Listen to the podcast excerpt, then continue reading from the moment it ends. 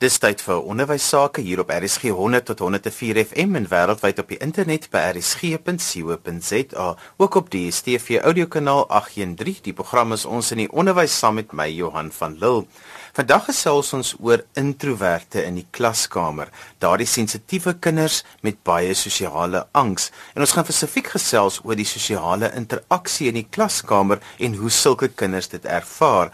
Nou my gas vandag is Lizaan Du Plessis en sy's 'n praktiserende arbeidsterapeut, internasionale spreker en skrywer en natuurlik die belangrikste self 'n ma van so 'n kind wat erg sensitief is en wat maar baie swaar kry in die klaskamer wanneer dit kom by sosiale interaksie. Lizaan, baie welkom by ons in die onderwys. Dankie Johan, heerlik om te wees. Kom ons begin gesels en ons sê eers wat is sulke tipe kinders? Ek dink onderwysers ken hulle, maar kom ons verfris net almal se geheue. Ja, ehm um, in die ehm um 1920s het Carl Jung die term introvert gebruik om mense te beskryf wat sosiale interaksies dreinerend vind, hoofsaaklik met ander woorde te maak met die energie wat hulle daaruit put indien hulle in 'n op 'n plek of op 'n omgewing is waar dit dalk vir hulle oorweldigend kan wees, ehm um, en waar daar baie mense is, ehm um, hoofsaaklik en hy het dit op 'n kontinuum gesit en aan die een kant uh, was introversie en aan die ander kant was was ekstroversie met ambiversie in die middel en gesê dat meeste van ons op hierdie kontinuum iewers op hierdie kontinuum val. Na duisende jare weet ons dat mense en kinders wat meer in die introverte kant van die kontinuum val, anders bedraad is. Ons kan nou sien, ehm um, duisende jare later nadat Karl Jung dit gedefinieer het dat hierdie mense en kinders se breine anders bedraad is. Ons sien dat hulle ehm um, hulle alarmstelsel is hypersensitief. Wat veroorsaak dat hulle kortisol vrystelling, daai streshormoon in ons brein, hoër is as kinders wat dalk meer op die ekstroverte kant van die kontinuum is so ons weet dat 'n sosiale omgewing waar daar baie stimulasie is, waar daar ander kinders is, ehm um, dat hierdie kinders maklik oorweldig voel. En as ons nou kyk na wat in Suid-Afrika aan die gang is, waar ons groot megaskole het, waar daar meer as 1000 kinders in die skool is en tussen 25 en 30 kinders in 'n klas is, dat dit hierdie kinders op 'n plek plaas um, wat hulle leer en hulle funksionering beïnvloed. En dit is hoekom ek dink dit is so belangrik om vandag daaroor te gesels. Ek kom van die kantlyn af in as arbeidsterapeut wat nie in die klas is nie. Ehm um, maar ek kom ook van die posisie soos jy nou gesê het van 'n ma in wat elke dag saam met so 'n kind funksioneer. En sy's nou 9 en ons is op 'n plek waar sy vir my kan vertel hoe sy dit ervaar. Waar toe sy kleiner was, ehm um, was dit baie moeiliker vir haar om dit vir my te verduidelik en ek kon net sien um, hoe moeilik dit vir haar is. Ek het net met ek het net gedrag gehad. Maar nou het ek 'n kind wat so verbaal is wat haarself nou al so goed ken dat sy vir my daagliks kan verduidelik hoe verskillende situasies in die klas haar laat voel en nie meer as dit hoe dit haar leer en haar interaksie met die kinders, met die juffrouens en met die materiaal beïnvloed. Ehm um, en daarom dink ek is dit so belangrik dat ons 'n lens net plaas op hoe hierdie kinders leer en hoe ons dit vir hulle in die skoolsituasie makliker kan maak of in 'n posisie kan sit waar ons vir hulle optimaal kan laat funksioneer sodat hulle hulle potensiaal kan bereik. Nou Lizaan op hierdie program vra ons die moeilike vrae. Baie keer is onderwysers se ingesteldheid teenoor sulke kinders, juis omdat hulle so baie kinders in die klas het en hulle kan nie aan elke kind individuele aandag gee nie. Die klasse is net te groot dat die kind net opgepiep word, dat die ma oorbeskermend is en dat die ma eintlik kom inmeng by die skool as hy nou kom kla oor 'n kind wat sukkel met sosiale interaksie en wat skaam en teruggetrokke is. Kom ons swaai mense se koppe 'n bietjie hieroor ons moet besef dat ten spyte van die ma wat na die juffrou toe gaan en en vir haar ehm um, vertel om haar kind beter te verstaan en ek dink dit is waaroor dit gaan dat hierdie mammas nie gesien moet word as oorbeskermende ma's nie. Ehm um, maar indien jy so 'n kind in jou huishouding het, ons kultuur en ons samelewing en dit wat in die skole gebeur, ehm um, sonder dat dit eers geskryf staan, weet ons bevoordeel die meer ekstroverte kind. Ons weet uit studies en uit navorsing en uit vraelyste wat gedoen is dat onderwysers die ideale student sien as die kind wat aktief deelneem in die klas. Ehm um, en dit gaan moer meer is dit. Daai kind wat opkyk en na die juffrou kyk wat oogkontak maak. Ehm um, en dan hand opsteek en vra antwoord of vra vra. Ehm um, en ons weet dat die juffrouens daai kinders sien as die ideale student. So daai kind wat waarskynlik nie hand opsteek nie, wat nie al die vrae beantwoord nie, wat nie oogkontak maak met die juffrou nie.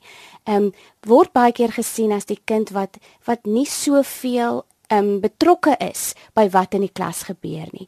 Ehm um, en ons weet met ouer konsultasies en ek is een van daai ma's wat al vele keer gesê het, ag, as sy maar net meer as jou kind maar net meer kan praat um, en meer haar hand kan opsteek, dan sal ek weet dat sy weet wat aan die klas aangaan. Ehm um, so ons moet presies wat jy nou sê, ons sal die lense bietjie moet verskuif. Ons sal ons instelling bietjie moet verander en besef maar ten spyte van die feit dat hierdie kind nie oogkontak maak nie, ten spyte van die feit dat die kind nie vra antwoord nie, dat dit nie beteken dat die kind nie aktief uh, leer nie. Ehm um, so ouers wat so wat sulke kinders het, ek dink tog daar daar's 'n onus op ons, daar is 'n verantwoordelikheid om binne die eerste paar weke na onderwysers toe te gaan en net vir hulle te verduidelik dat ons te maak het hier met 'n kind wat 'n bietjie anders bedraad is. En as ons dalk ook vir hulle vaardighede kan gee om hoe om daai kind te bereik. Ehm um, want ons weet dat dit is ook een van die belangrike komponente van leer dat is daai koneksie. Dat as ons vir die juffrou kan sê, "Maar ek weet my kind gaan nie na jou kyk nie en ek weet my kind gaan nie noodwendig met jou spontaan gesels nie, maar hier is dalk 'n manier wat jy 'n koneksie kan vind met haar." Dan sal dit waardevol wees, nie net vir die kind nie, maar ook vir die onderwyser. Ons het hierdie week Menseregte Dag gevier en vir my gaan Menseregte Dag juist daaroor dat elke mens is uniek en dat elkeen die reg het om gelukkig te wees en in 'n omgewing te wees waar hy kan floreer en dis hoekom dit vir my so belangrik is dat ons juis oor hierdie introverte sensitiewe kind vandag praat. Kom ons gee vir onderwysers 'n paar wenke. Dit wat jy altyd gaan by die skool bespreek, Lizaan om te sê dit kan die lewe 'n bietjie makliker maak van hierdie uiters sensitiewe kind met erge sosiale angs. Ek kyk gewoonlik na drie aspekte. Ehm um, Johan, die een is die omgewing, die ander die ander een is die interaksie en die ander een is die tipe aktiwiteite. Ehm um, ons weet dat kinders wat se breine bedraad is om meer sensitief te wees en wat meer ehm um, kortisol vrystel, dat hulle omgewing wat oorstimulerend is, ontsettend dreinerend ervaar. Ehm um, so die belangrike ding is dat 'n mens ons kan hierdie kinders en ek dink dit is wat ek ook op hierdie stadium wil sê dat ons moet besef die doel is nie hier om ons kinders in watte toe te draai en te weerhou van omstandighede of omgewings of interaksies wat vir hulle moeilik is nie. Ehm um, natuurlik is dit belangrik dat alle kinders leer en vaardighede ontwikkel um, om te kan opstaan en hulle opinie te kan lig, um, om 'n mondeling te kan doen voor ander kinders. Um, maar dit is hoe ons dit doen en wanneer ons dit doen, um, wat belangrik is wanneer ons na hierdie tipe kinders kyk. Um, so ons gaan hulle nie in watte toe dra nie. Ons gaan nie vir hulle omgewing skep um, wat hulle weerhou daarvan om hierdie belangrike vaardighede te leer nie. Ons gaan dit in gedagte neem. So een van die goed is om na die omgewing te kyk en spesifiek as ek weer terugkom na my dogtertjie is die oggende is problematies en ek wil meer eintlik verder gaan en sê dit is traumaties vir haar as sy na um, op die speelgrond moet gaan waar daar 'n honderde kinders is wat rondhardloop en skree. Ehm um, haar juffrou is nie daar om haar te ontvang nie. Die klaskamer is toegesluit. Ehm um, veral aan die begin van die jaar wanneer daar baie veranderinge is vir hierdie kinders, is dit vir hulle problematies. So dit is belangrik om te kyk na hoe kan ons hierdie kinders se stresrespons verminder sodat hulle nie hulle dag begin met kortisol wat al reeds heeltemal te hoog is sodat dit leer beïnvloed nie.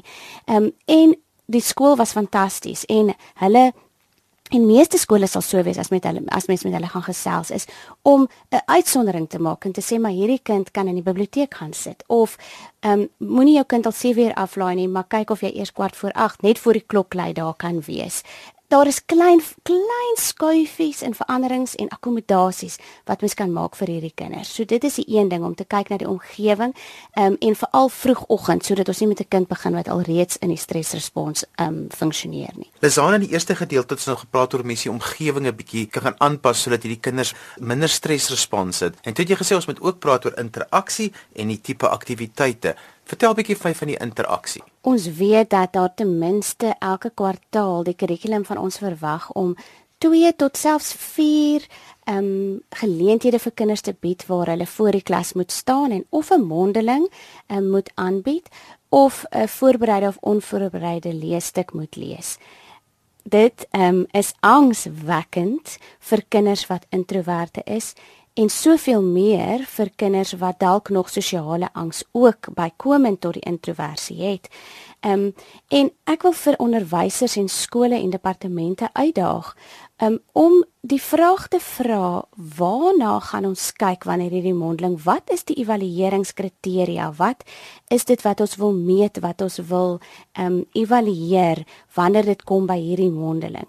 En as dit gaan oor om die vaardigheid te hê om voor mense te praat.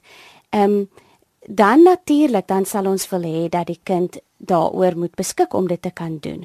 Maar sou dit nie van waarde wees om veral aan die begin van die jaar wanneer die kinders met soveel nuwe veranderinge gekonfronteer word om te sê maar weet jy wat jy hoef nie vandag voor die hele klas te praat nie. Ek sal pouse hierso wees dan kan jy net vir juffrou kom vertel.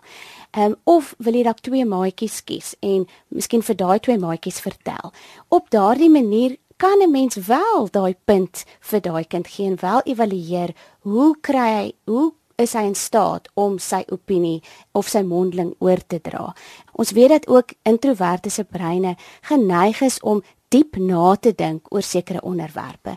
En wanneer ons 'n onderwerp kies of wanneer ons 'n onderwerp kies waarin hierdie kind natuurlik belangstel, dan is dit vir hulle ook makliker om daaroor te praat. So, dit is ook 'n ander aanpassing wat ons kan maak om vir kinders te sê vandag kan jy praat net waaroor jy wil. Um, en dan sal ons sien dat hulle waarskynlik oor diere of oor sport of oor maandtye of wat dit ook al mag wees, sal praat en gemakliker sal wees um, om daaroor te praat as om net oor iets te praat waar hulle nie belangstel nie. So dit is 'n paar verskywings en paar paar alternatiewe. Ons moet ook natuurlik kyk na deelname um, in die in die groot klas opset. En ons um kurrikulum vereis ook dat daar groepwerk gedoen word wat natuurlik ontsettend belangrik is. En ons weet vir hierdie kinders is groepwerk aansienlik makliker as om in die groot klas opset um interaksie te hê. En dan kan onderwysers ook doelbewus seker maak dat hulle kinders in die introverse groepie sit wat nie noodwendig wat saam met hulle sal dink oor 'n saak wat nie net van soos 'n ekstrovert is wat baie keer moet praat om te prosesseer nie en ehm um, maar dat hulle ook saam eers sal dink en dat die kind dalk oor die vaardigheid sal hê om eers te luister voordat hy praat. So daai groepering van kinders is ook belangrik. En as 'n mens dan as onderwyser net bietjie terugsit en observeer, is daar geleenthede om te sien maar hoe kan kinders deelneem? Hoe sal hulle leierseienskappe toon wat mense in die groot groep sal dink nee, maar hierdie kind is nie in staat of het nie daai vaardighede nie. Ons sien wanneer kinders hierdie tipe kinders gemaklik voel, wanneer hulle veilig voel dat hulle wel daai eienskappe toon. Ja, Vygotsky het baie navorsing gedoen juis oor sulke kinders en ek weet hy het ook baie navorsing gedoen oor ondersteuning waar hy gesê het jy sit sulke kinders eers in situasies waar hulle as pare werk, twee twee saamwerk, dan maak jy dit 'n bietjie groter dat daar groepe is. En dan is dit die voor die hele klas. En so vat jy elke keer 'n bietjie van die ondersteuning weg en met sulke kinders help dit ook om te sê ek demonstreer as onderwyser of as maatjie en dan volg jy en so lei jy hulle tot onafhanklikheid, maar jy kan hulle nie net voor 'n klas gaan gooi en sê en onder 'n bus gooi en sê nou moet jy basies presteer nie. Ons praat baie van die term scaffolding, um, en dit is wat ons met hierdie kinders moet doen, dat ons nie net vir hulle um in 'n vliegtyg insit as hulle bang is om te vlieg en vasmaak en sê nou vlieg jy ver nie, maar dat mense hulle stadig en baba tree blootstel, presies soos jy sê, begin eers met daai 1 tot 1 en dan 'n groter groepie en dan 'n groter groep en um, en ek dink ook dit is hoe ons moet kyk na ons kurrikulum dat ons nie in 'n situasie is waar ons op dag 2 of dag 3 al um, ons kinders onvoorbereide mondeling laat doen nie. Ehm um, maar dat ons eers dit aan die einde van die jaar sit. My dogtertjie het 'n pragtige metafoor gebruik, ehm um, so 'n paar dae gelede waar sy gesê het as sy dink aan 'n mondeling, dan voel dit vir haar asof sy nie die bokant of die top van die berg kan sien nie. Dit is 'n dit is net iets wat hier voor haar staan en sy kan nie opkom nie. Ehm um, waar laas jaar aan die einde van die jaar, dis sê sy mamma laas jaar aan die einde van die jaar kon ek al die wolke sien en 'n klein bietjie van die top van die berg. Met ander woorde, sy het wel ook die jaar begin waar sy nie die bokant van die berg kon sien nie, maar teen die einde van die jaar het sy kans gesien om op te staan, om 'n mondeling te doen, om meer deelname te hê in die klas. En dit is wat ons wil doen met hierdie kinders. Daar um, word ook hierdie kinders word beskryf as orgidee kinders dat wanneer hulle in die regte omgewing is en die regte struktuur en ondersteuning kry soos wat jy sê dat hulle sal blom. Maar ons sien ook dat dit problematies kan wees vir die kind en vir die samelewing indien hierdie kinders nie reg hanteer word nie. Het sy in die ouerhuis of het sy by die skool? Ja, die meeste onderwysers het daarom al deesdae te doen gekry met die werk van Vygotsky. So, maar as jy een van die onderwysers is wat nog nooit daarmee te doen gekry het, al wat jy hoef te doen is Google maar net Vygotsky en scaffolding en jy sal ongelooflike artikels op die internet kry wat juis vir jou gaan help met hierdie ondersteuning in die klaskamer. Dit is 'n baie lekker iets om ook te bespreek met onderwysers opleiding en daar's baie kenners daar buite wat ook sy werk baie goed ken. Lizan en dan die laaste een jy gesê die tipe aktiwiteite, dit is ook belangrik vir hierdie tipe kinders. So wat ek ook van tevore oor die aktiwiteite genoem het, is dat hierdie kinders ons sien dat hulle baie beter deelname het en dat hulle met ander woorde minder kortisol vrystel wanneer hulle betrokke kan wees of kan gesels of kan ehm um, skryf oor onderwerpe wat hulle van nature meer inter interessanter vind. Ehm um, so dit is natuurlik ook die beginpunt om te kyk dat waaroor ons gesels vandag, waar ons skryf vandag, waar ons groepwerk doen vandag. Ehm um, kyk of ons 'n onderwerp kan vind wat vir daai kind van nature ehm um, interessant is. Want so sien ons dat hulle betrokke is by die onderwerp en dat hulle ehm um, definitief meer meer leer ehm um, as wat dit iets is wat hulle glad nie in belangstel nie. Lizan, jy vertel altyd vir my en daarmee moet ons afsluit dat jy elke dag en dit is baie keer goed vir onderwysers om dit te hoor dat jy net elke dag geangs het as jy jou kind by die skool moet gaan haal. Ja, dit, dit is veral aan die begin van die jaar soos ek sê wanneer sy nou nog nie ehm um, gemaklik is en veilig voel en 'n groot deel van haar samestelling is ook dat sy verstaan wil word um, deur die onderwyser of dat sy voel hulle verstaan haar, hulle herken haar uniekheid en hulle um, omhels dit, hulle koester dit. Hulle wil haar nie noodwendig verander nie. Wanneer sy by daai punt kom, um, dan het ons elke dag 'n glimlag wanneer ek haar oplaai. Um, maar daar is veral aan die begin van die jaar omtrent elke dag 'n insident wat gebeur wat vir haar laat voel dat die eienskappe wat sy het wat van haar 'n introwert en 'n skaam en 'n sensitiewe kind maak dat dit iets is wat sy gaan moet verander. Um om in te pas by die samelewing en die eise wat gestel word in die klas. Ehm um, so ons het ook nou al op die punt gekom Johan waar ek besef dat om hierdie kind se middag te oorskeduleer tot nadeel van ons almal is want die wiele kom ernstig af en dat as ons kan dat as daar na skoolse aktiwiteite is dat sy dit direk daarna by die skool doen dat ons nie eers huis toe kom en dan weer moet uitgaan nie of dat ons geleentheid skep vir haar om huis toe te kom en dan los ek haar. Dan het ek ook nou al geleer dis nie die tyd om haar te peper met vrae oor hoe was jou dag? en kom soos ons moet eers huiswerk doen nie. Dis belangriker vir haar om eers haar energie soos jy ook laas gesê te herlaai um deur alleen te wees deur Lego te speel of 'n boek te lees of 'n handwerkaktiwiteit te doen en dan daarna wanneer sy haar energie herlaai het en gereguleer het tot op 'n punt waar sy weer voel nou kan sy aangaan dan sit ons die huiswerk en doen of ons gesels oor die dag of wat dit ook al mag wees. Lizaan, jy het 'n passie om ouers en onderwysers te help om hulle kinders se unieke temperamente te verstaan. Hoe kan skole en onderwysers met jou kontak maak en ek weet jy het ook 'n wonderlike blog met baie inligting op wat uh, onderwysers ongelooflik nuttig in die klaskamer kan gebruik. Ek um, skryf by www.lizanduplessis.com en daar is ook my e-posadres info@lizanduplessis.com en ek wil vir skole en onderwysers uitdaag um, om my enige tyd te kontak as as jy meer wil navorsing doen of meer wil gesels oor hoe ons vir hierdie kinders 'n omgewing kan skep waarin hulle kan floreer, dan sal ek beskikbaar wees om met skole het sy telefonies of in persoon te kom gesels. Um, ek antwoord ook graag vrae. Um, ek luister graag na ouers want dit is wanneer ons luister wat ons sien um, hoe ons hulle kan help. Um, so dit is vir my belangrik om om te hoor wat die luisteraars en die onderwysers voel en sê. Dis dan alwaar vir ons tyd het vandag. Ons het bietjie vandag gesels oor introverte in die klaskamer. My gas was praktiserende arbeidsterapeut, spreker en skrywer Lizaan Du Plessis. Onthou ek weer na vandag se program luister as 'n potgooi. Laai dit af by rsg.co.za. Skryf gerus vir my indien jy enige kommentaar het op die program of as daar enige onderwerpe is wat jy graag wil hê ons moet aanroer in ons in die onderwys. My e-posadres is Johan@wwd.co.za. daarmee groet ek dan vir vandag tot volgende Sondag van my Johan van Lille. Totsiens.